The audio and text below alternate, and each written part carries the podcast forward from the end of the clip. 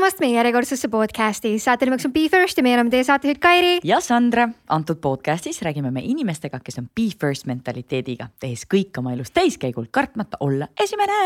ja podcastis me püüame siis aru saada, kuidas nende inimeste kogemusi ja harjumusi oma elus rakendada paremate tulemuste saavutamiseks. täna on meil saates külas laskesuusataja. ja mees, kes oli Sportlandi viimase treeningkampaania saadik. pange käed kokku, tehke kõvasti lärmi, tere tulemast saatesse, Kalev Ermits Sportland, Be First podcast. jess, jess, tänan võõrustamast. kas me anname välja cheerleaderite mõõdu kuskil raja ääres või?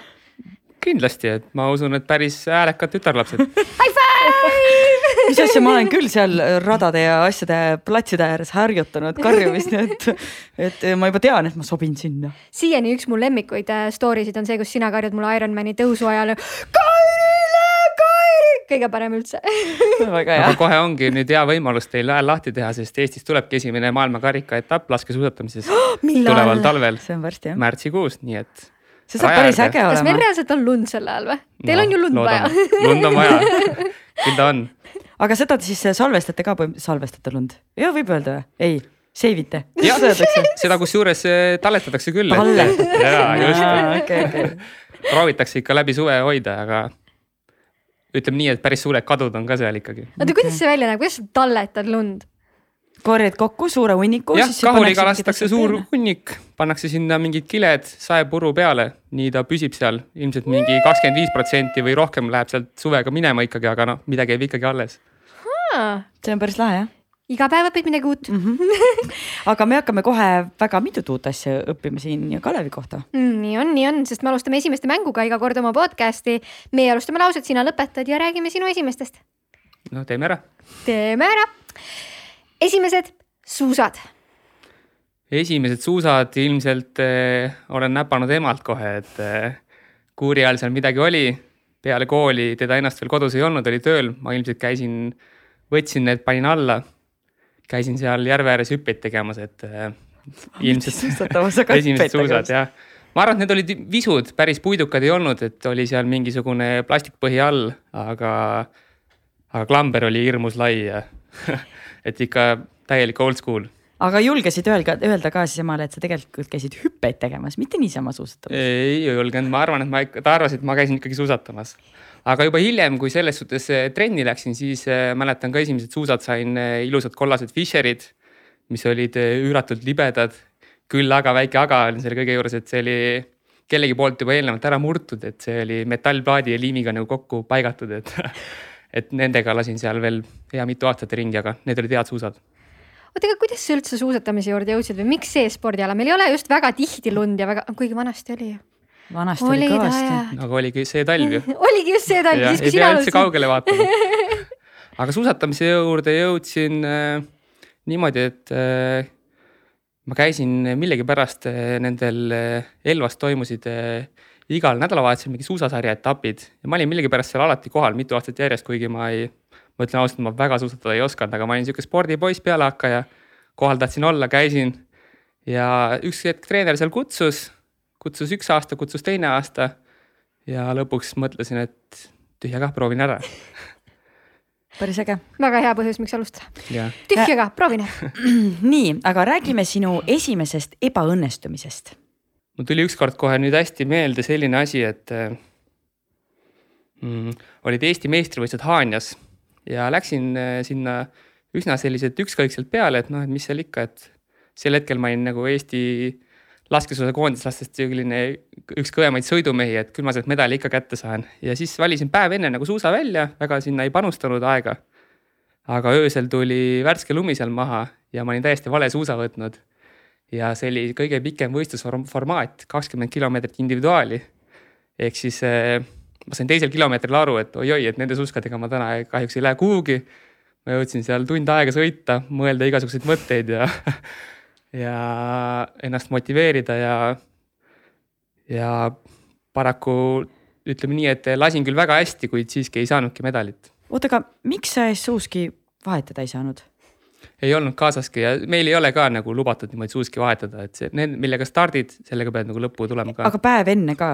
päev enne nagu ma oleks saanud mõttes, valida, aga ma, see oligi Lõuna-Eestis seal, et ma olin, meil olid suusad kuskil ilmselt äh, olid kuskil bussis, et võib-olla välismaal, et valisime juba pikemalt ette ära, et missugused suusad meil nagu võiksid Eestis potentsiaalselt minna. Mina muidugi tõstsin kõik valed suusad täiesti ja selles suhtes päris kolossaalne kaotus suusarajal tuli seal. aga kellegi teise käest siis ei ole laenata või? no aga võistlus juba käis, kui ma sain aru, ma ikkagi lootsin, et, okei, okei. et veab välja, aga alles teisel kilomeetril sain aru, et siis sain kaheksateist kilomeetrit nautida seda nii-öelda täielikku suusatamist. aga kas suuskade valimine ongi ainult sportlase kohus või treener ütleb ka sõna sekka või keegi viimistleja, kes suuski valmis teeb? Määrdetiim on see. määrdetiim on selle asi nimi. viimistleja, päris hea. vot ei ole suusataja, ei tea aga see sõltub täitsa võistlusest, et kui me käime maailmakarika etappidel või suurematel võistlustel, olümpiatel, maailmameistrivõistlustel, siis kindlasti meil on hooldetiim kaasas, kes selle eest nagu hoolt kannab. Aga no Eesti võistlused meil on jäetud ikkagi, et pead ise, ise pusima. ja siis sain oma kogemuse kirja vitsak kätte. aga kui palju valikuid sul on üldse nagu, kui paljude suuskade seast sa valima pead? hetkel mul on üks neliteist paari suuski, ma arvan. seda ei ole kusjuures väga palju, et nende näiteks täiesti tippudel on äh, kümneid-kümneid rohkem kindlasti, et selles suhtes see tuleb hoida mõistlikult suur, et valikut oleks, aga et suudaks ka ära hallata.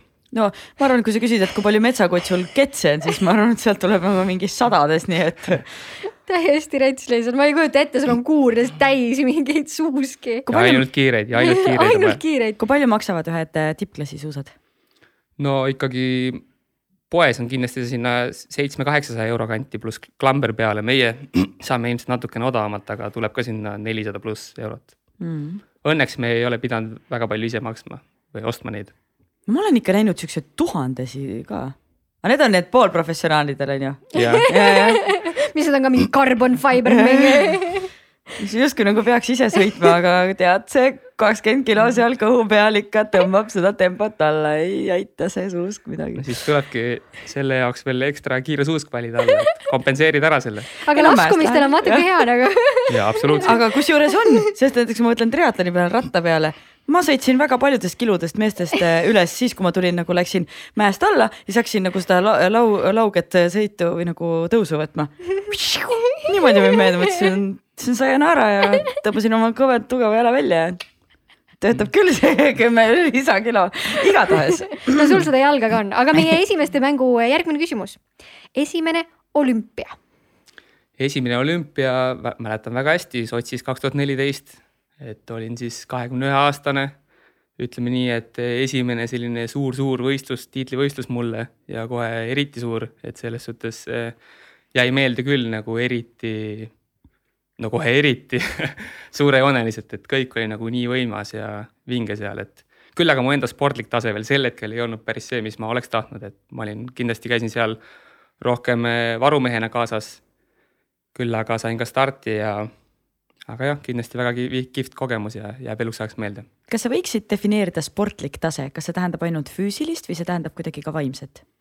kindlasti ka mõlemat, et aga noh, ennekõike ikkagi füüsiline oli see, mis nagu sul võib vaim, vaimne pool võib väga tugev olla seal sel hetkel, aga kui sa ikkagi saad seal eh, raja peal kolm minutit sisse, siis noh, et see on ikkagi füüsilise taha jäi palju sel hetkel. kuidas üldse see kvalifitseerumine olümpiale käib laskesuusatamises? Seda on nüüd ajas ka muudetud, et nüüd sellel uuel olümpial, mis nüüd peaks tulema, tuleval talvel, siis äh, on niimoodi, et on äh, periood üks, üks hooaeg ja siis veel järgmisest hooajast veel sisuliselt pool, kus siis peab äh, tiimi siseselt peavad olema mingid teatud kindlad võistlused, sul pead saama nagu parimad võistlused lähevad arvesse, ehk siis ei loegi ainult see, et kui ainult mina teen hästi, vaid on tähtis, et kõik me kolm meest teeksime hästi, siis läheb see võistlus nagu kirja. siis tekib selline äh, rahvuste nagu mõõduvõtt nii-öelda, mõõdupuu ja siis ongi seal kriteeriumid, et esimesed viisteist tiimi saab nii palju starti, esimesed kakskümmend tiimi saab nii palju starti ja ülejäänud siis peavad hakkama vaatama enda eest kui palju ühest riigist üldse lubatakse sportlasi, siis ma mõtlen, et kui seda ei oleks, siis Norra olekski ainult võistleksidki seal teineteisega. ja nii oleks ja, aga äh, laskesuusatamises praegu vist hetkel on viis üldse ongi maksimum, et kes saab starti. Ma pean ikkagi küsima, meil oli siin äh, vestlus äh, Lauri Pedajaga, kelle sõnum oli see, et äh, tegelikult olümpiamänge poleks üldse mõistet enam tehagi, sest et need on jäänud kuidagi ajale jalgu ja ja et need on täiesti mõttetu üritus, mis sina? vaataja seisukohast siis nii-öelda mm,? noh, tema seisukohast ma võin aru saada jah, aga aga mina arvan, et sellel ikkagi on nagu meil kui sportlastel on kindlasti väga suur nagu tähtsus, et see on ikkagi väga kuninglik eh, võistlus meile, et see toimub ainult iga nelja aasta tagant, et et kui palju üldse nagu sportlasi on, kes sinna jõuavad, kui tihti sa seal käia jõuad, et selles suhtes see, see on ikkagi nagu üks sihuke vinge eesmärk, mille nimel nagu pingutada ikka ja jälle. aga mingid MM-id, asjad ei nagu ole samal tasemel, siis ei tunneta samamoodi, et oleks sama võimas või äge? no võistlus on ikka võistlus selles suhtes, et äh, lihtsalt üks on natuke suurejoonelisem mm. kui teine, aga MM-e meil on ka nagu hästi, hästi tihti, et meie ala juures, et selles suhtes iga aasta meil mingisugune tiitlivõistlus on mm. -hmm. mulle lihtsalt natuke tundub, et see sõltub ka alast, et võib-olla kui sa võtad korvpalli seal, et ala mingi NBA meistritiitel võib-olla mõnedel on suurem kui, kui olümpiavõit, et, et aga noh, ei tea. küll aga Äh, liigume edasi meie esimeste mänguga, mis yeah. oli sinu või mis või kes oli sinu esimene sponsor mm,? esimene sponsor äh, tuleb kohe meelde, oli äh, mul tegelikult kokaõpetaja üldse Põhja-Soomes, ma läksin Põhja-Soome kooli. mul sel hetkel ei olnud ühtegi korralikku arvestatavat suusapaari, ma läksin kohale, mul oli ainult kaks-kolm suusapaari, isegi klassikapaari ei olnud.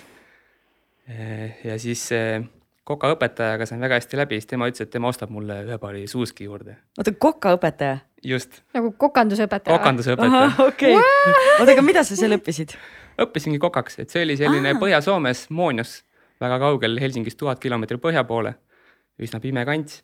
et äh, seal oli suusakolledžis käisin, kus siis sai samal ajal väga vingelt treenida ja ka õppida siis kutseharidust lisaks.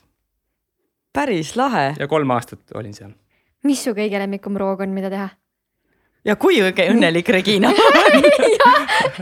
no lemmikuid roogasid on palju, et viimasel ajal ma olen just tähele pannud, et mulle on sihuke Aasia köök hakanud väga sümpatiseerima, et eh, mulle meeldib tohutult eh, katsetada ise asju. et selles suhtes praegu ongi selline periood, et kui meil on tihti, me oleme pikalt laagris ja oleme nädal Eestis kodus, siis mu köök on ainult minu päralt, ärge keegi teine tulge, et ma teen seal hommikusöögi, õhtusöögi, lõunasöögi vahepalad, et ma selles suhtes hästi kirega teen seda ja mulle meeldib see ma tean, kus sa elad ma tean, kus sa elad.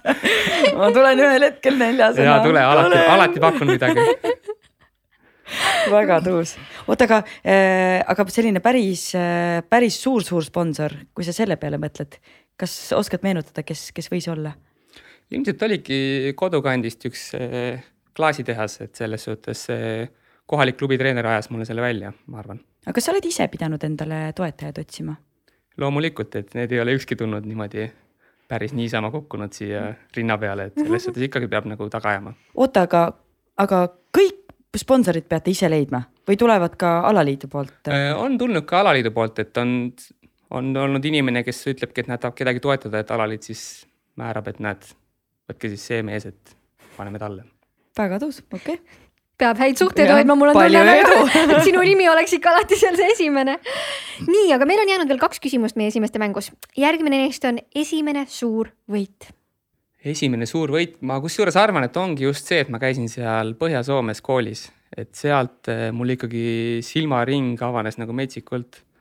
et eh, leidsingi endale kokanduse hobiks juurde ja selles suhtes suusavaldkonnas ka, et metsik eh, teadmiste pagas seal täienes et väga kihvt kogemus, et seal nagu õppisin alles suusatama. mis on üks asi, mis sa panid kõrva taha sealt? ütleme nii, et on eh, ilusamaid kohti, kui see Põhja-Soome pimedas talves olla aga kuidas sa üldse sattusid sinna, kas sa ise leidsid selle koha, keegi soovitas? mul olid õnneks head sõbrad, kes läksid eh, aasta enne sinna kohale juba, kolm tükki. eestlased? jah, eestlased, et siis peale Autentese spordikooli Otepääl, mille ma siis läbi käisin, siis eh, oli kohe nemad olid aasta enne sinna läinud, ütlesid, et hea koht, et soovitavad tulla. ma otsisin ka kohe selle välja, kirjutasin sinna, öeldi, et jah, ootame sind sügisel, tule kohale. kas see oli tasuta, kuidas see käis? sisuliselt tasuta, et see oli põhimõtteliselt õppeaasta oli väga marginaalse tasuga, et seal oli, et sisuliselt tasuta ja et väga palju hüvesid saime sealt. aga mis nende huvi on võtta eestlasi?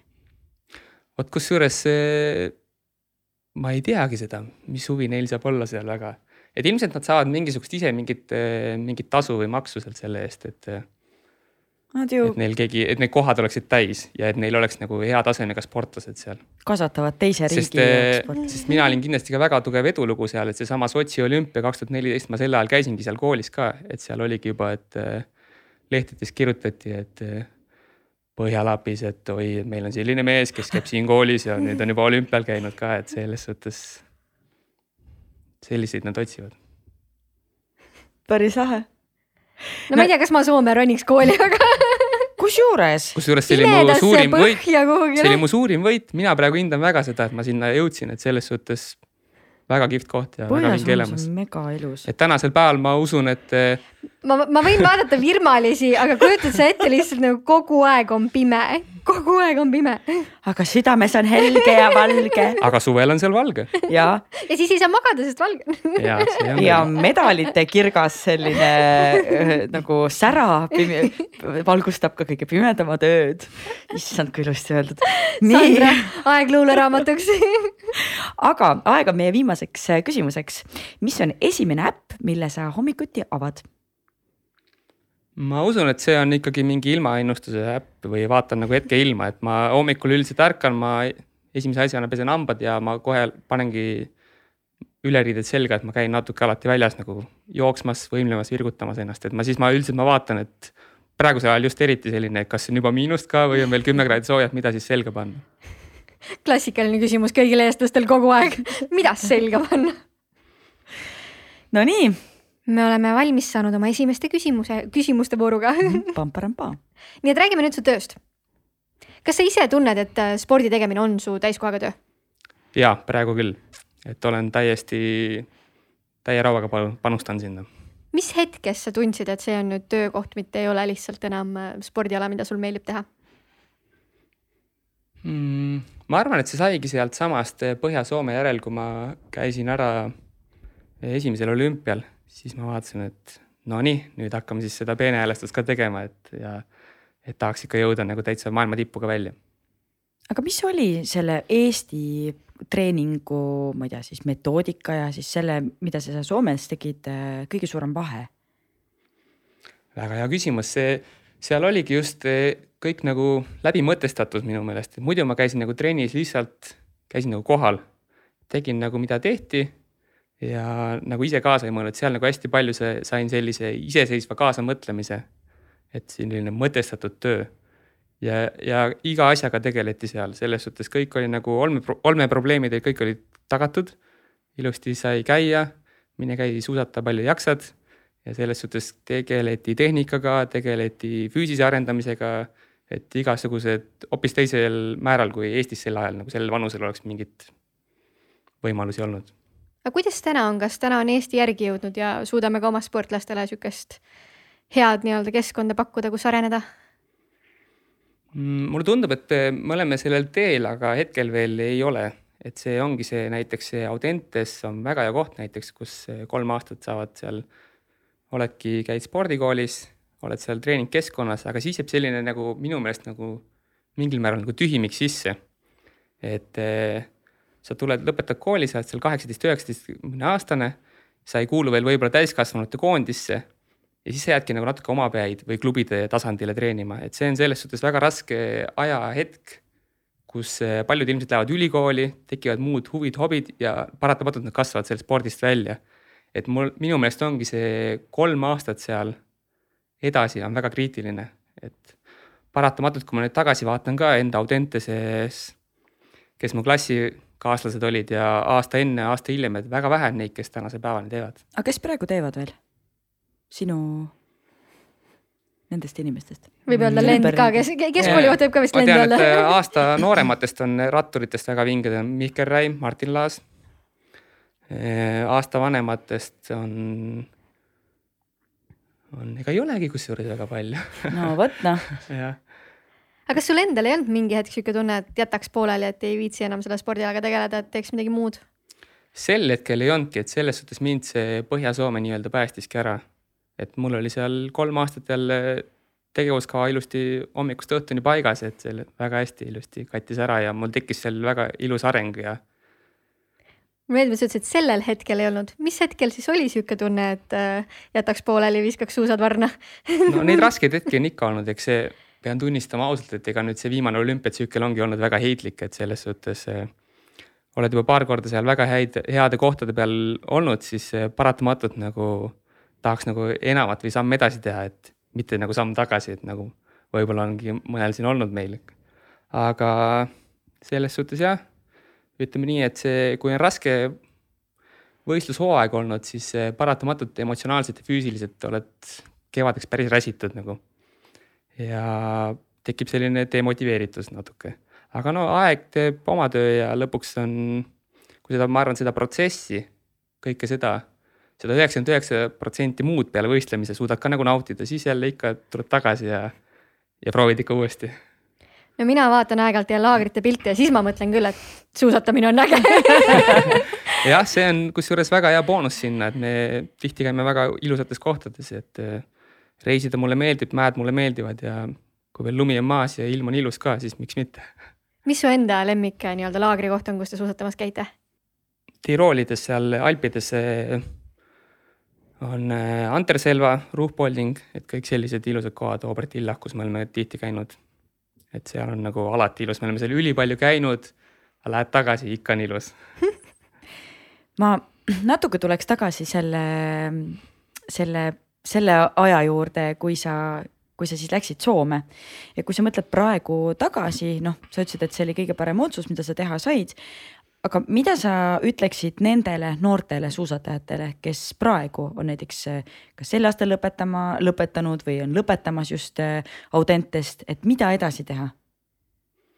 no siin ongi nüüd äh, mõttekoht, et kui sa tahad ikka sporti täiega panustada, siis igal juhul hoia silmad lahti, võta mingi julge otsus, käi ka, ka kuskil välismaal, neid koole on päris palju, mis võetakse, kus võetakse vastu nagu, et ma tean, mul endal elukaaslane on käinud Rootsis samamoodi et on käidud Norras, on käidud Austrias, USA-sse on palju käidud, et selles suhtes need on võimalused. küll aga ma enne ka mainisin, et asi on, tundub, et läheb paremaks, et meil on tulnud eh, nooremaid treenereid suusaklubidesse, kes nagu panustavad, töö toimub selline väga konkreetne ka suvekuudel, käivad välislaagrites, et selles suhtes ka klubi tasandil on praegu võimalik see periood üle elada, mis on väga positiivne.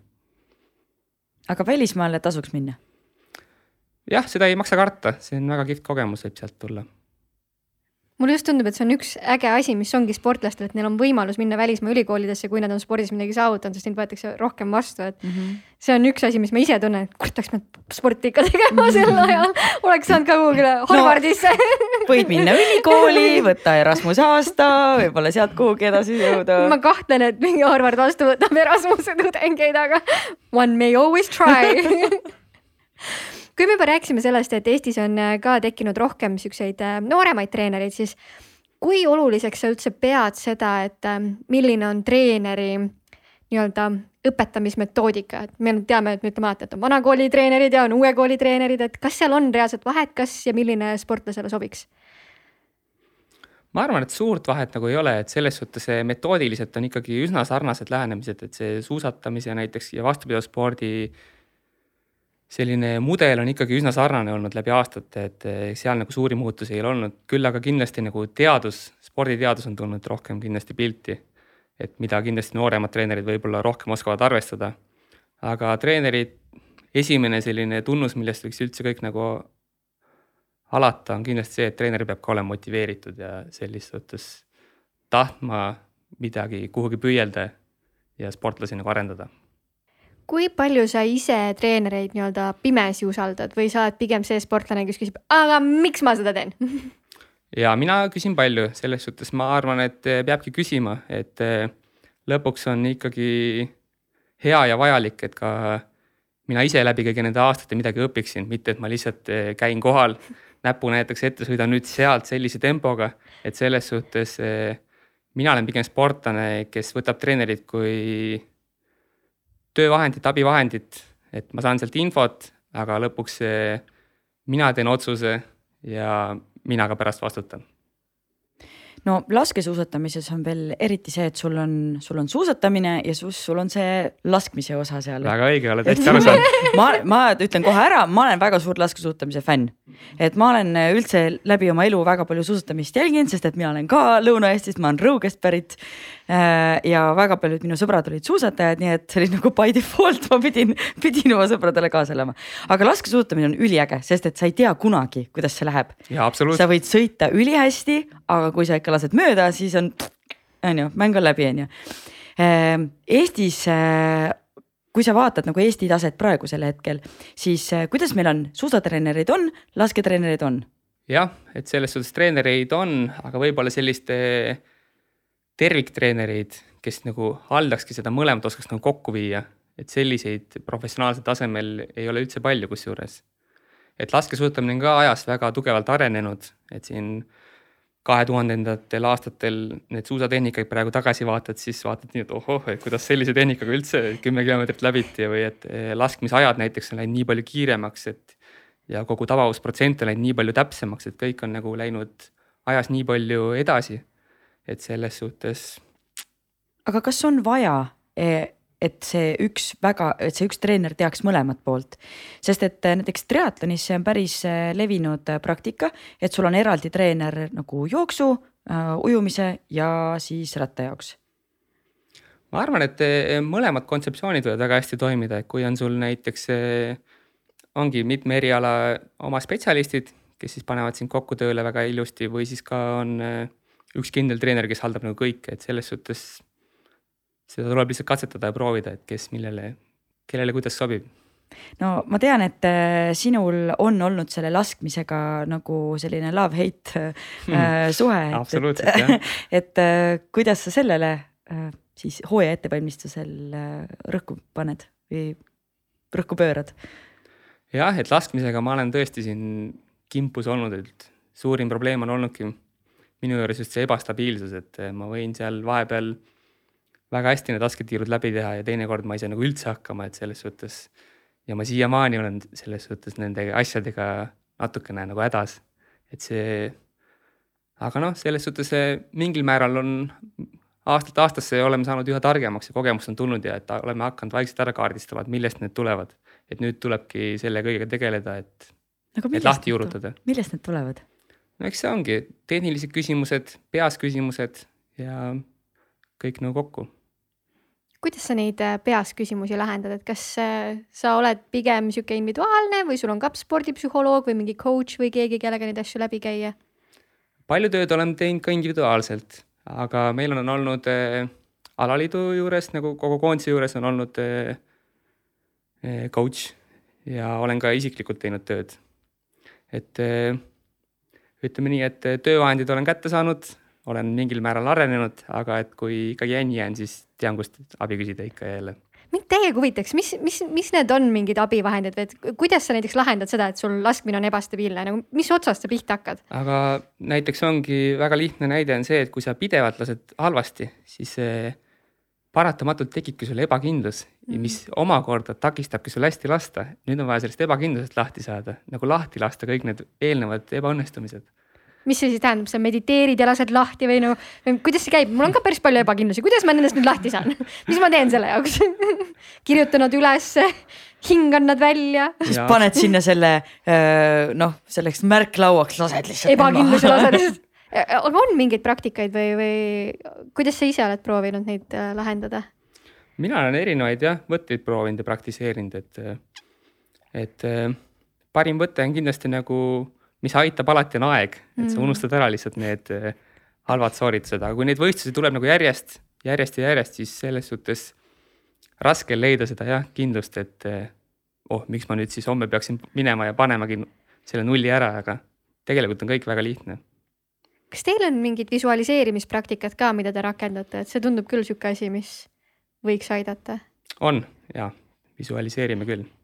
et kõik läheb täppi ei saa, seal selles suhtes seda, sa ei visualiseeri tulemust, sa visualiseerid seda, mida sa saad kontrollida, ehk siis mida sa enda nagu tegevust.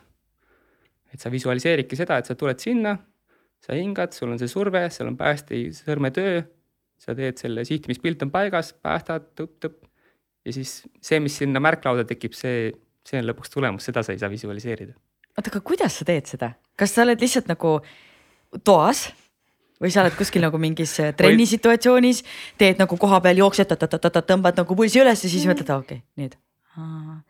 seda pigem teed jah, nagu pigem toas ja sellises rahulikus keskkonnas, et trennis sa nagu, ma ei visualiseeri, aga trennis ma harjutan läbi sama asja, mis võistlustel mulle on tulemas selles suhtes see on üks asi, millest ma aru ei saa, Sandra just ütles, et te tõmbate ilgelt pulsi üles ja siis te peate maha rahunema ja otse laskma.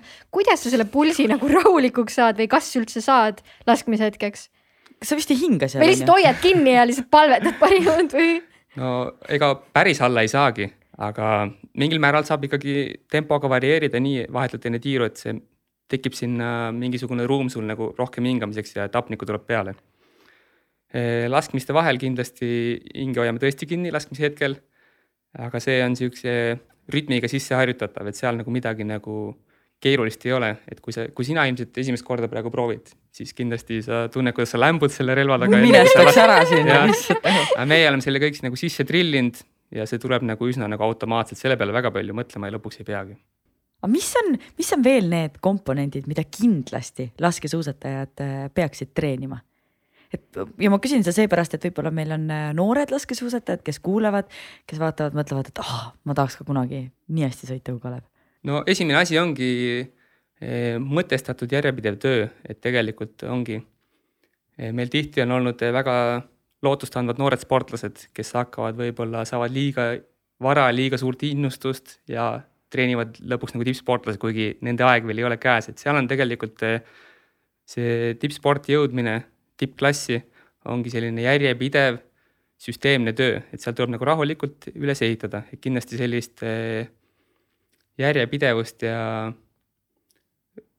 rutiini on vaja kõvasti mm. -hmm millal üldse on laskesuusataja nii-öelda tippvanus või hea vanus, kus olla nagu, kus see kõige parem magustsoon on? ma arvan, et see ongi seal kakskümmend viis kuni kolmkümmend vanuses. et praegu ka, kes kõik seal maailma eliidis on, on isegi tegelikult eh, kolmkümmend pluss miinus. et selles suhtes eh, mulle tundub küll, et see, see, mida aasta edasi, seda kogenumaks saad ja seda nagu parem sul on seda kõike eelnevat, mis sa oled kogenud nagu ära kasutada edaspidi, et see edukad on kindlasti need, kes eh, on olnud selles ringis kaua. aga mis on viimane vanus, alustada laskesuusatamisega? Sain plaanid hakata või? ei, ma olen, ma olen juba mingi viis aastat üle sellest. veel ei ole hilja veel ei ole hilja, kunagi ei ole hilja. ma arvan, et selline ideaalne periood, kus võiks ära valida selle ala kasuks ja sellega tegelema hakata, ongi seal selline hiljemalt kakskümmend. et siis eh, sa jõuad aastaid seda tööd teha, see ei tulegi sul kohe kiiresti välja. aga meil ehe näide endal koondises ongi, kus koondise kaaslane nüüdseks äh, tuli murdmaasuusa taustalt. Et selles suhtes äh, vahetult enne kolmekümnendat eluaastat, et selles suhtes, kui sa oled selle suusapõhja vähemalt alla ehitanud, siis selle laskmise sinna juurde annab teha. aga kui sul nagu üldse nullist, siis pigem kolmekümnendates selle ree peale enam ei jõua ma mõtlen isegi kahekümnendates on väga raske, kui sa näiteks enne üldse sporti ei ole teinud, et siis vist ei ole lootust, on ju, et ma peaks no ikka enne sportlik olema. eeldus on, et sa oled ikkagi olnud noorena aktiivne ja hästi mitmekülgne ja sul on kõik see koordinatsioon, osavus välja arenenud. jah, Erki Noolel oleks päris palju öelda siin selle, selle koha peal, et, et need, kes kahekümnendates tahavad alustada, need on juba täiesti hiljaks jäänud. mis tippspordi mõttes tegelikult äh, on täiesti tõsi. aga äh, kui me mõtleme veel ettevalmistuse peale, siis äh, sinu elukaaslane on ju ka tippsportlane mm. -hmm. kui palju see aitab või, või tagasi hoiab? pigem ikkagi aitab, et ka aitab kaasa ikkagi et äh, väga kihvt on, saame väga palju koos olla, saame oma muresid äh, jagada, mõtteid vahetada sellel teemal, et selles suhtes paratamatult see talv on selline, kus äh, me oleme väga palju nagu ringreisil. ehk siis, kui Eestis on näiteks ka kehv talv, me ei tule isegi võistlus, võistluste vahelisel ajal, me ei tule väga Eestisse, et me olemegi kuskil Euroopas pidevalt nagu otsime lund. ja kui elukaaslane on kaasas, siis väga hea, mulle sobib väga et ma arvan küll, et me oleme mõlemad sellised üsna läheduse otsijad, läheduse otsijad inimesed, et eh, meil on see praegu töötanud väga hästi. nii äge ma mõtlen, et ma võib-olla ei ole vaata nii selline, et kas üle ei viska kogu trenni, aeg. trennis sa oled ju ikka lahus ju selles mõttes, sa ei tee koos, aga trennidel on ju tempod trennid on erinevad. ikka väga vähe koos jah, et selles suhtes äh, sa nagu tööle lähed me küll lähme eraldi., me küll lähme samal ajal nagu välja aga me ei tõesti käest kinni koos ei lase okei okay., mäest alla sellest. kuigi see oleks päris nunnu siit kõlab nagu väga armas TikTok. on onju. aga kas, ma mõtlen, et eh, kas te olete, kas teil on kuidagi nagu sünkroonis ka, et, et, et kui ühel on nagu kehv aeg, siis teine nagu utsitad tagant või et, et kuidas teil see dünaamika on? jah, kusjuures niimoodi ongi, et kui on ikkagi ühel on madalseis, teisel läheb hästi, siis igal juhul see, kellel läheb paremini, proovib ikkagi teist ka nagu järgi utsitada ja et motiveerida ja eks sa ise näed ka ju vaata, et nagu, et noh, me teeme ju samad tööd ja et näed, ühel läheb hästi, küll mul ka võib-olla läheb hästi. aga kui ikka mõlemal see raskem periood satub, siis on nagu selles suhtes keerulisem, et siis proovime ikkagi mitte nii palju nagu joriseda sellel teemal ja et ikkagi positiivset leida kõiges selles tippspordi juures on paratamatult see vaimne pool üks kõige olulisemaid asju ja kui me praegu enne rääkisime ka, et mõnikord laskmist äh, takistab sul just see ebakindlus, siis kuidas sa selle välise kriitikaga hakkama saad ja kas see kuidagi mõjutab sinu enesekindlust?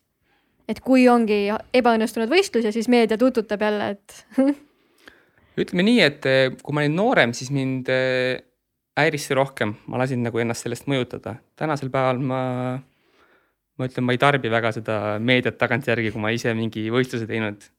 isegi kui hästi läheb, et ma selles suhtes ei lähe sealt mingit tunnustust otsima kuskilt kommentaariumist või et eh, teeme oma asja ja selles suhtes eh, hoiame enda lähedal inimesi, kes annavad ka meile midagi nagu positiivset, et mul ei ole selle ebavajaliku kriitikaga mitte midagi teha, kui ma tean ise, et ma läks võistlus lörri ja keegi tuleb mulle tänitama nina alla, et näed, sul läks ikka väga halvasti seal. hea tugitoolisportlane, mina oleksin küll teinud. aga kui on konstruktiivne kriitika, et millest ma võiksin nagu midagi õppida, paremaks saada, siis palun väga, et see on väga teretulnud. ehk siis äh, ei lähe lugema seda Postimehe neid äh, pealkirju. katastroof või crush või. Fiasko. Need on olnud. on olnud jah ja.? ja aga kas see on sul kuidagi ajaga tulnud või sa oled seda õppinud? Ma arvan, et mõlemat, et selles suhtes see ajaga ka, et eh, paratamatult nagu mingi hetk, noh, mina olen ka juba siin kahekümne üheksa aastane, et võib-olla mind, ma olen aru saanud, et mis nagu minu väärtuste järgi nagu ma ei pea kuulama inimeselt midagi, kes mulle, kelle otsus, kelle nagu arvamus ei ole mulle tähtis. et selles suhtes ja kindlasti olen ka siin palju nagu treeninud seda valdkonda, et et mida lasta endal ligi ja mida mitte, mis on mulle lõpuks kasulik ja vajalik. üks asi on see väljaspoolt tulev kriitika, et seda mulle tundub, et on tihtipeale lihtsam kuidagi eemale tõugata, aga paratamatult väga tihti me oleme iseenda kõige suuremad kriitikud. kuidas sul sellega on? ja mina ise olen endale väga suur kriitik olnud, et, et läbi aegade ikkagi ma olen ennast kõvasti nagu sisemiselt eh, tampinud, ma arvan, et jah, et ma arvan, tippsporti ikkagi, kui sa tahad päris tippu jõuda, siis sa peadki olema natuke kriitiline. aga siin tuleb ära tunnetada see õige balanss asjal, et et olla kriitiline, aga sellest ka nagu õppida ja sellega nagu viia see edasiviivaks energiaks mitte see, et sa ennast materdad ja lõpuks oled päeva lõpuks täiesti nagu kotis. kas sa täna tunned, et sa oled selle nii-öelda balanssi leidnud õige kriitikataseme enda tegemiste suhtes? ja ma arvan küll, et täna ma olen siin viimaste aastate üks motive-, motiveeritumas seisus, nii et eh, kõik on hästi. mis see eduvalem on, palun mulle ka, kus see motivatsioonipada asub? eks see on järjepidev töö ja selles suhtes ikkagi see mingil hetkel ikkagi, kui sa teed neid asju ja teed õigesti ja mõtestatult, siis lõpuks eh, küll need hakkab ka mingid väiksed nagu lootuskiired siit paistma. et liigume õiges suunas aga ma mõtlen korra veel selle vaimse tervise hoidmise peale, et äh, kui me mõtleme kasvõi nende eelmiste nüüd suveolümpia peale, kus tegelikult see sportlase vaimse tervise olulisus toodi väga-väga äh, väga hästi välja. Ja see noh, ma ei tea, kas te olete kursis või ma, ma eeldan, et te olete. Kuulajatele võid ikka rääkida paari sõnaga. et kui see Ameerika võimleja Simone Biles siis äh, loobus ühest äh, tiimivõistlusest, sellepärast et ta tundis, et see väline pinge mõjus tema vaimsele tervisele laastavalt ja ta otsustas siis mitte võistlema minna. siinkohal võib-olla välja tuua lihtsalt, et ta ütleski, et kui ta vaimselt ei ole õiges kohas, siis ta võibki jääda ja nii edasi, need vead tulevad siis, kui sa vaimselt ei ole kohal õigesti, jah on ju., täpselt. mis, mis sina sellest arvad, kas on, on sul mingit, kas sportlased peavad olema mingid üliinimesed, kellel ei ole kunagi raske, et nad peaksid alati võistlema või on okei okay mõnikord astuda samm mina arvan, et ta tõi välja tegelikult päris hea, temal on seda sellist, ta on tituleeritud sportlane, ma tean, tal on eh, olümpiamedaleid, maailmameistrimedaleid kümneid, et selles suhtes eh, tema on, temal oli seda võimu, et tuua see sõnum just nii tugevalt välja, nagu see tuli välja. et selles suhtes on see tava pealtvaatajale hea arusaam, et eh, päeva lõpuks me oleme ka nagu inimesed, me ei ole robotid, need sportlased. et meil on inimesed, meil on ka tunded sees, et küll aga jah, ta oleks pidanud võib-olla selle otsuse tegema natuke varem kui olümpial. et eh, eks, eks, eks see kasvaski üle pea, et ta valis lõpuks enda. aga minul on raske siin paralleeli tuua, sest eh, eh, need inimesed, kes on ikkagi aastaid tipus, neid oodatakse ainult kulda, nendel on ka omamoodi pinged endal õhus, et selles suhtes minul selliseid pingeid ei ole ja ma selles suhtes väga hästi mõistan või proovin mõista teda ja tema otsust. kas Eestis on mõni selline sportlane, kes äh, võiks sellise lükkega välja tulla ja, ja meedia annaks andeks ning üldine enamus inimesi. ma arvan küll, et selles suhtes ajapikku kõik, kes ikkagi proovivad nagu mõista seda ka sportlase seisukohast, need nagu ikkagi saavad aru asjast. no ma lihtsalt mõtlen seda, et kui ma toon näite, et kui näiteks äh, ma ei tea, Allar Raja ütleks e- olümpial, et teate, sorry, ma arvan, et esimesed kolm poissi seal paadis oleksid nagu lihtsalt nagu šlõp, šlõp, šlõp. lihtsalt selle aeruga lihtsalt vastu pead, kobi siia paati tagasi sisse Suua.. et see on äh, aga ma ei tea, kas see on hea või halb. ma ei tea, mis sina arvad? mina arvan, et see teema, et ta selle tõstatas, on tegelikult nagu huvitav ja hea. küll aga jah, et kas see just teha olümpial ja niimoodi meeskonda nagu natukene nii-öelda alt vedada. noh, see on jah, selline mõttekoht, et mina arvan, et selle probleemiga oleks pidanud tegelema varem ja võib-olla siis üldse mitte olümpiale minna, et jah, ja oleks tulnudki lihtsalt varu naine sinna asemele. no muidugi ta võitis ikkagi, ta esines muidu üldiselt üm- olümpial väga hästi. ma saan aru, et see tekkiski just selle ühe selle tiimivõistluse pärast. et äh, ta ei julgenud selles, seepärast minna, et ta kartis, et kui ta, tema seal fail ib, siis terve tiim kaotab mm. -hmm. muidugi nad lõpuks vist saidki kolmanda koha või pronksi või midagi sellist. aga jah, see käibki, see kogu see jutt käibki täiesti nagu maailma tipust, kellelt oodatakse ka ainult kulda. et minul on raske samastuda sellega. no ma loodan, et mitte küll, et sa ei pea küll selliste asjadega kunagi tegelema, aga ma loodan, et me saame kunagi rääkida sellest, et sa justkui nagu võiksid olla või et sa oled maailma tipus ja siis justkui peaksid äkki rääkima. ja just, ma loodan ka seda sama. no siis kutsume tagasi. Aga me oleme nüüd rääkinud siin vahepeal vaimsest tervisest, räägime natukene keskkonnatervisest mm, -hmm. kuna teie spordiala puhul on äh, äärmiselt oluline, et meie planeet ei kuumeneks siin üle, sest ilma lumeta ei ole teil mitte midagi teha. kas ja kui palju sina mõtled üldse keskkonna hoidmise peale? keskkonna hoidmise peale ma arvan, et ma mõtlen, aga võib-olla mitte, rohkem mõtlen nagu enda teadmata tegelikult, et ma prügi otsast ma maha ei viska. tubli, jah, poes käin oma kangast kotiga, veel tublim. puuköögiviljad eh, mul panen ka enda kotti, ma ei ole ammu enam võtnud seda läbipaistvat ühekordset kotti. no super, Tallinnasse, kui mul on näiteks üksi vaja tulla, ma pigem eelistan rongi, sest eh, tuleme ainult autoga siis, kui meil on kahekesi vaja tulla või rohkem. et selles suhtes väiksed asjad ikkagi teen ära, aga ma arvan, et see on ikkagi nagu marginaalne ja vähim, mis ma nagu teha saan. Küll aga selle lumega on tõesti probleeme, seda on näha, et seda on nagu talve on kõvasti vähem. et ehe näide näiteks ongi mm, Austrias näiteks on treeningmeka Ramsau, kus me käime siis liustiku peal kolme tuhande meetri kõrgusel suusatamas, et seal on siis eh, ilusti seina peale välja toodud, kuidas oli näiteks tuhat üheksasada kaheksakümmend aastal ja kaks tuhat aastal, et kus see nagu jääpiir on olnud, et siis, siis ikka vaatad, siis on päris kurvaks ikka teeb, et seal on ikka meetrites, meetrites seda jää ja lumepinda ära kadunud.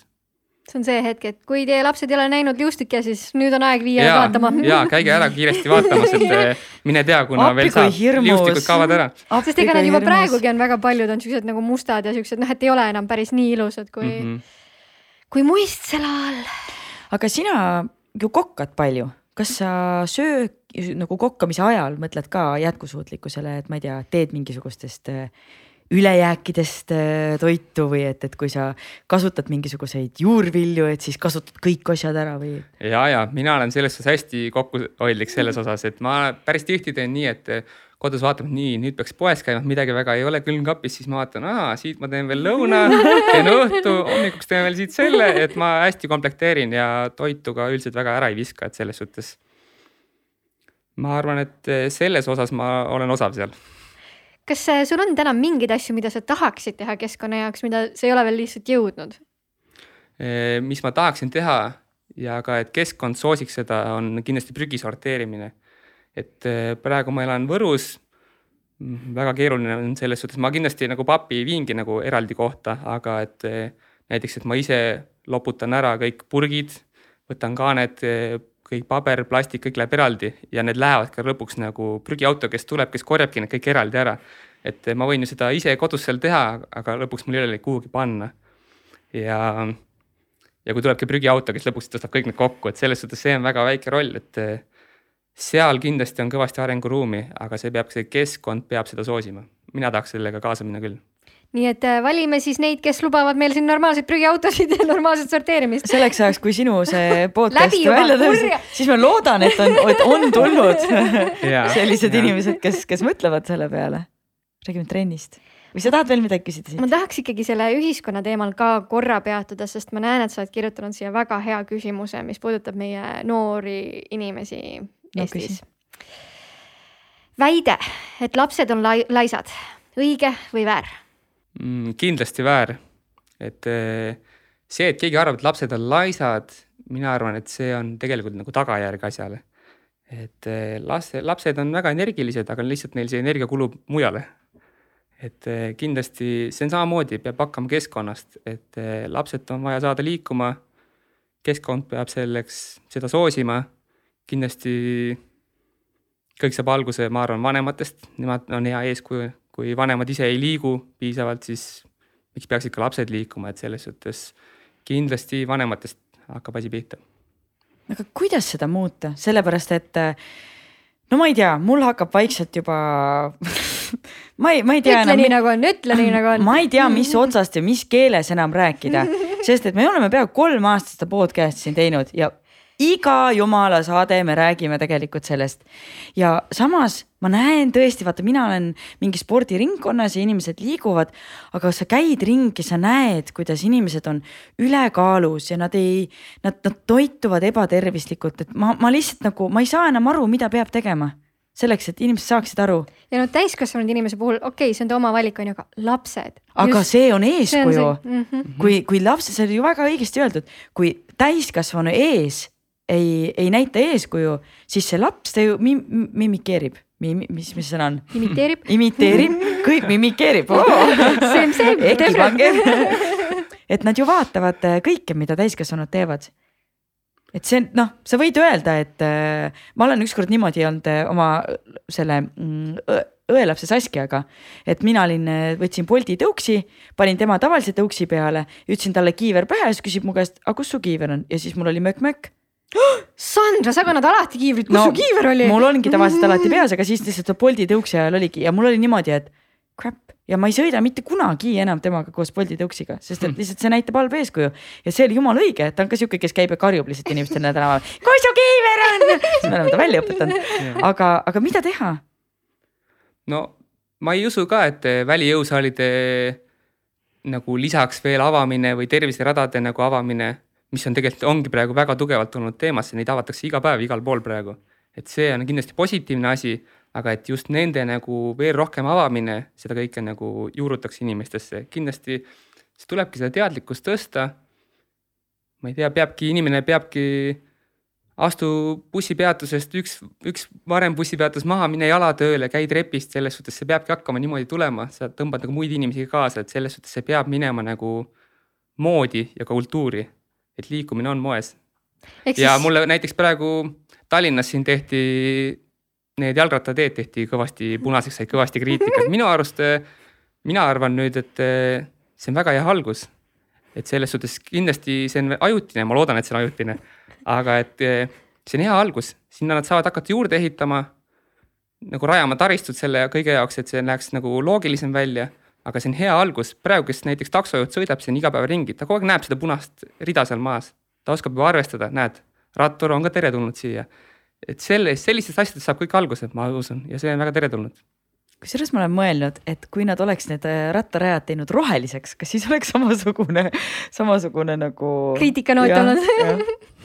ma arvan, et põhiline kriitika oli see, et sul on ilus punane joon ja siis see lõpeb järsku ära ja siit ei ole nagu kuhugile keerata ka on ju mingi suur äärekivi või siis noh, et. aga loodame, et see on kõik ajutine loodame, et see on kõik. esmane lahendus, aga parem kui mitte midagi, on ju. aga selle koha pealt jah, et äh, mulle väga meeldib see, mis sa välja tõid, et äh, motiveerida inimesi enda ümber, ehk siis võib-olla annamegi siin podcast'is väikse väljakutse, et äh, kutsu üks sõber see nädal trenni. lihtsalt üks inimene, kes sul tutvusringkonnast väga tihti ei liigu, kutsu lihtsalt ta endaga liikuma, olgu see matkamine, välijõusaal, jooks, mis iganes minge kasvõi vaadake seda välijõusaali tehke üks tiirukene. Ja, ja, ja hüppake kangi külge kinni ka, ega ei hammusta. tehke üks harjutus, järgmine kord lähed tagasi, tehke kaks.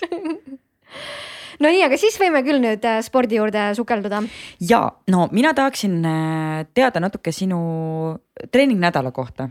Et äh, kui noh, see kindlasti on väga erinev, see, mida sa teed hooaja ettevalmistuse ajal, hooajal ja siis mingisugusel, ma ei tea, kuidas seda kutsutakse, hooaja võistlushooajal. aga kuidas need kaheks on jagatud kuidagi või? on võistlusväline hooaeg nagu üldse puhkus mm, -hmm. siis on ettevalmistusperiood. ja siis on võistlusteks valmistumine ja võistlushooaeg. ja praegusel hetkel sul on ettevalmistus? jah, ettevalmistus käib praegu. kuidas see treeningnädal välja näeb?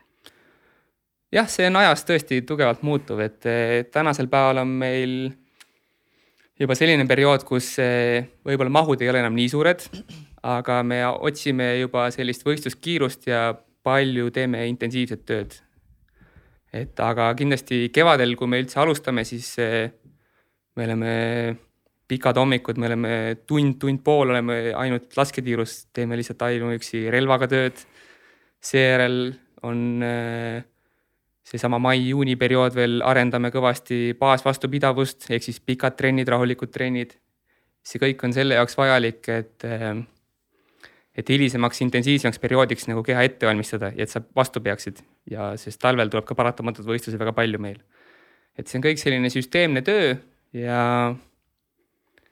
ja võistlusperioodil siis seal enam tead väga palju treenida ei jõuagi, et seal käiakse ainult reisid, kaks-kolm võistlust, reisid, kaks-kolm võistlust, reisid, kaks-kolm võistlust, jõulud ja lähme paneme edasi oota, aga minu näiteks tööpäev ongi esmaspäevast reedeni üheksast viieni, milline sinu tööpäev välja näeb, mis, mitu tundi sul seal mingeid trenne on ja? sportlase tööpäev on kakskümmend neli tundi, isegi kui ma magan, tegelikult ma olen sportlane ja see kõigel on äh, tähendus minu jaoks. et selles suhtes iga asi minu päevakavas on kindlas kohas ja kindla eesmärgiga. et äh, hommikul üldiselt äh, ärkame üsna varakult, sest treeningut alustame juba üheksa ajal ja mulle meeldib hommikusööki süüa väikese varuga, et mulle ei meeldi minna trenni, et mul on kõhus veel niimoodi vahetult sööki täis pandud, et, et üldiselt ärkame sihuke kuus, kuus kolmkümmend seal vahel. ja siis on hommikune treening, praegusel perioodil me treenime väga palju rullsuuskadel, et siin suve hakul on neid treeningvahendeid rohkem, siis me käime jõusaalis, sõidame rattaga, jookseme, rullsuusatame et selles suhtes laskesuusataja treening on väga mitmekülgne ja väga kihvt selle pärast ka. aga siis päevakavasse eda-, tagasi tulles, siis ongi hommikune treening, mis kestab siis selline kuni kaheteistkümneni. kolm tundi või? ja seal läheb aega päris palju, me lähme tiiru kohale, laseme relvad peale, seal hakkab pihta, et selles suhtes sellist tööd on palju, mida tuleb teha. ja treening tegelikult juba, sa häälestad ennast treeninguks ka juba nagu enne, kui sa välja lähed, mitte treeningi ajal, ka siis, kui sa välja lähed, et sul on kõik teada täpselt, ahah, ma sõidan kakskümmend minutit soojaks, ma keskendun sellele seal, ma keskendun seal sellele, siis ma teen oma kvaliteetse selle treeningi ülesande ära. ja siis äh, sõidan nagu peale ka, ehk siis peale sõitmine ongi üldiselt juba ettevalmistus järgmiseks treeninguks, et sa rahustad keha maha, viid laktaadi välja, kui on olnud intensiivne töö ja hakkad valmistuma järgmiseks treeninguks ja siis tulebki lõunasöök samamoodi valmistud järgmiseks treeninguks sellega juba. see on kõik meile kütus võib-olla kerge lõuna pikutamine, sihuke rahulikum hetk ja siis me lähme tavaliselt kolm pool neli, siis lähme juba teise trenniga uuesti välja. treeningplaanid koostab teile kes, kas koondise peatreener? ja, Teil on nüüd uus peatreener. ja sellest kevadest on Valgevene mees, et äh, väga kihvt, mina olen väga positiivselt praegu, väga positiivsel arvamusel temast, et äh, tuli mees väga konkreetsete omade soovidega, et tal on oma visioon, ta oskab kõike põhjendada. nagu sa enne küsisid ka, et kas ma küsin, miks, et tema ütlebki, et küsige nagu, et siis te saate ise ka aru, et miks nii on, et tal ei jää, ta ei jää millegagi võlgu, et selles suhtes hästi kihvt, et tal ja ta haldab kõike siis laskmist, füüsilist tehnikat, laskmistehnikat, suusatehnikat ja ka mõtteid, mis iganes soovitusi toidulaual nagu täielik laskesuusatamise treener kui palju sa üldse toitumise või toitumist jälgid, noh, sina veel, sina eriti muidugi. ja, ja aga... mina olen kõva tre... toit, toidumanjak, mulle meeldib öelda et aga, aga kui, kui palju sa mõtled selle poole peale, et, et sa saaksid kõik kätte ja vaja, vajalikud siis vitamiinid, mineraalid, kaloraaž oleks paigas? ja mõtlen väga palju, et selles suhtes ma arvan, et tippsportlane peabki oma toidulauda ikkagi tundma, et et sa sööd teadlikult, sul on teadlikud valikud, sul on äh, makrotoitained, kõik on nagu paigas, sa tead, mis, mida, mis väärtusega, mis toiduaine on. ja selles suhtes nii ta peakski olema. mina muidugi olen väga äärmuslane, äärmuslik, et mina olen selles suhtes jah, väga fanatt seal toidu, mulle meeldib endale süüa silmadega, ma tunnetan neid erinevaid tekstuure, mulle meeldib erinevaid maitseid kogeda, et ma olen selles suhtes võib-olla tippsportlane nii toidugurmaan ei peakski olema, et lihtsalt võtma seda rohkem kui kütust. mis teil üldse see kaloraaž on, mis te peate täis saama, arvestades, et teil on viis-kuus tundi trenni, siis ma kujutan ette, et see on päris korralik. ja need suvekuudel pikkadel päevadel ikka kuni kuus tuhat kalorit läheb sisse. kas sa midagi sa muud jõuad ka teha peale söömise oi jummal, sa ärkad siis kell viis, et sa saaksid nagu kaks hommikusööki teha või? aga ütleme nii, et eh, kui palju treenid, ega on isu ka selles suhtes, see ei ole nii, et, eh, et ma treenin palju aga ma tunnen, et ma vajaksin ainult kolm tuhat kilokalorit sisse süüa, et kui mul see ikkagi viietuhandene päev on, siis sa selle järgi ka lähed. kui palju sa toidulisandeid kasutad? mõningal määral kindlasti, et mul on endal koostööpartner ka, Lamberts Eesti. et eh, igapäevaselt ma tarbin eh, kalaõli, D-vitamiini, magneesiumit, C-vitamiini, kõvematel treeningperioodidel kindlasti multivitamiini kompleksid lisaks, et selles suhtes väikest toidukeemiat ikka toidukeemiat, nii armsalt öeldud kas sa ütlesid, et teil treener annab ka soovitusi toidulaua osas, kas seal on ka laskesuusatajad mingid spetsiifilised asjad, millega peab arvestama või see on ikkagi nii nagu kõigil tippspordistel? jah, peab sööma muna, et märklavad koguks. ei, ei, ei midagi sellist nagu otseselt. mustikad on ju need, mis pidid silma, silmanägemist parandama. porgand ja. porgand ja A-vitamiinid ja ei midagi sellist nagu otseselt eh, nii spetsiifilist ei ole, küll aga nagu vastupidi spordialale kohaselt meil ikkagi süsivesikud on nagu A ja O. et neid meie ei, ei tohi karta kindlasti mitte, et selles suhtes.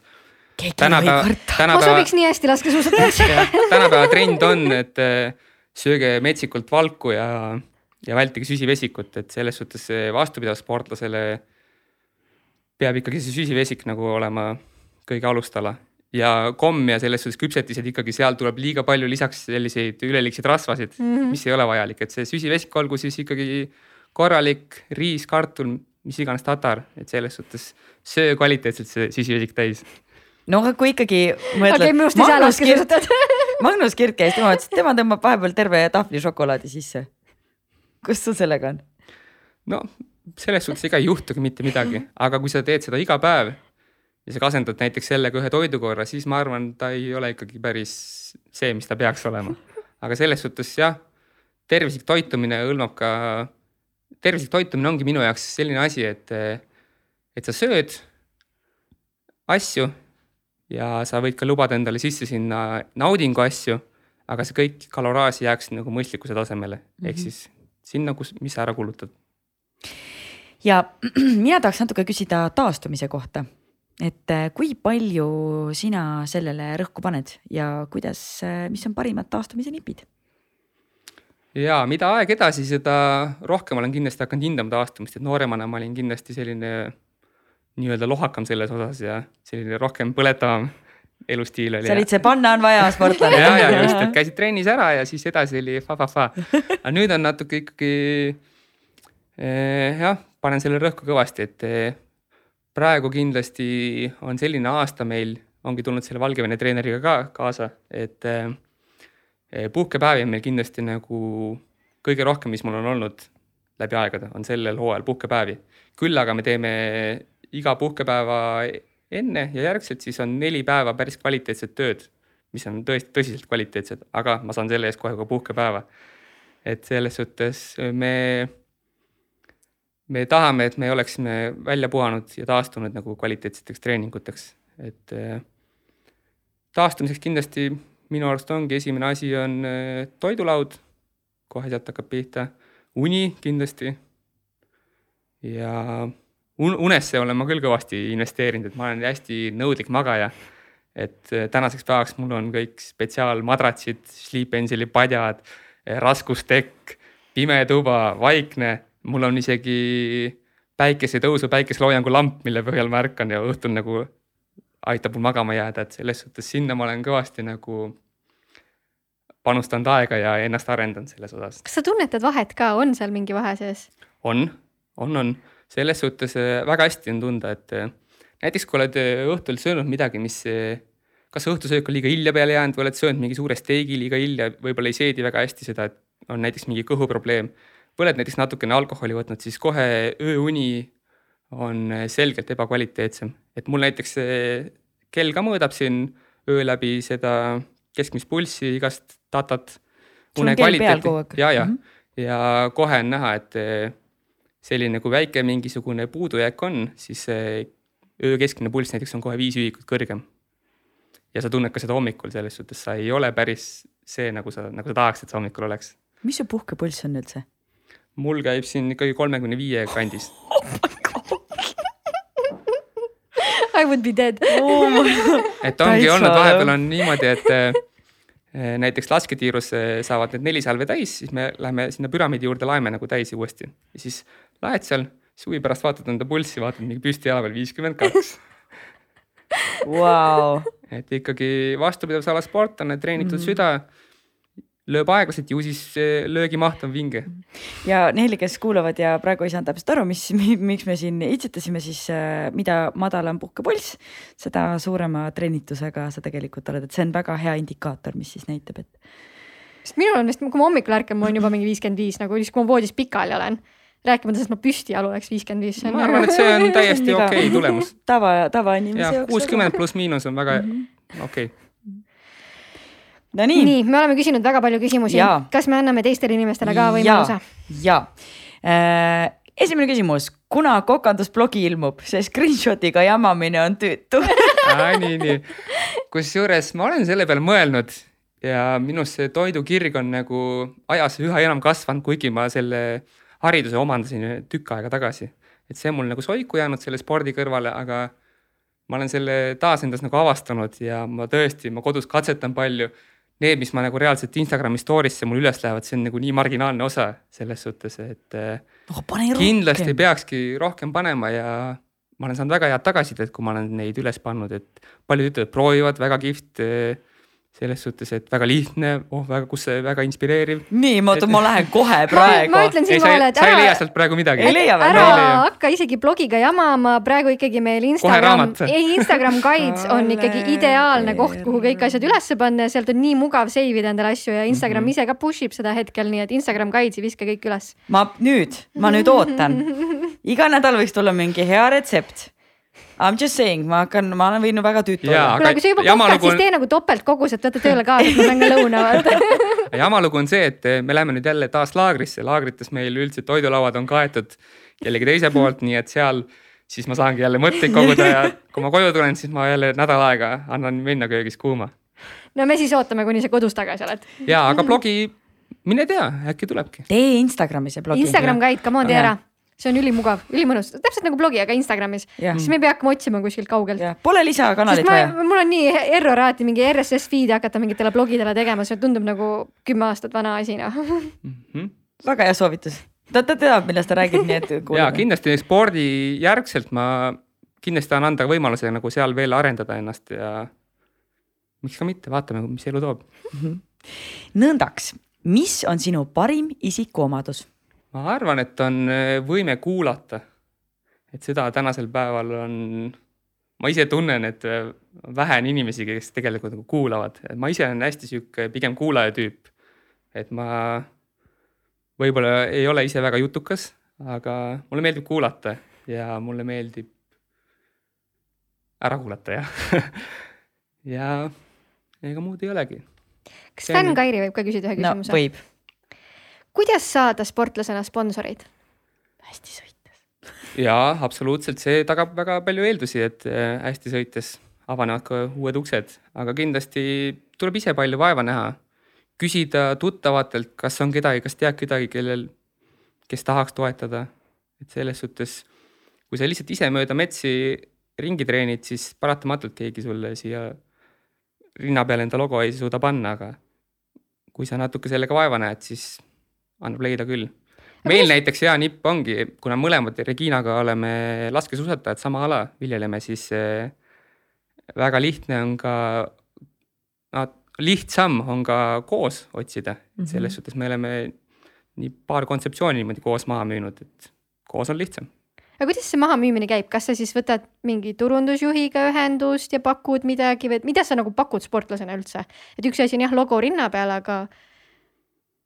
Pakun ikkagi, sportlane saab pakkuda, ma arvan, emotsiooni, et selles suhtes see reklaampind seal on ikkagi marginaalne, keegi nagu sellepärast ma ei usu, et mhm. paneb, et lõpuks nad tahavad selles siin natuke jah, emotsioonis nagu tahavad tagasi saada et kihvt on see ja sportlasena ise ka on väga kihvt, kui sa näed, et keegi veel nagu näeb sinust midagi ja keegi on valmis sulle õla alla panema.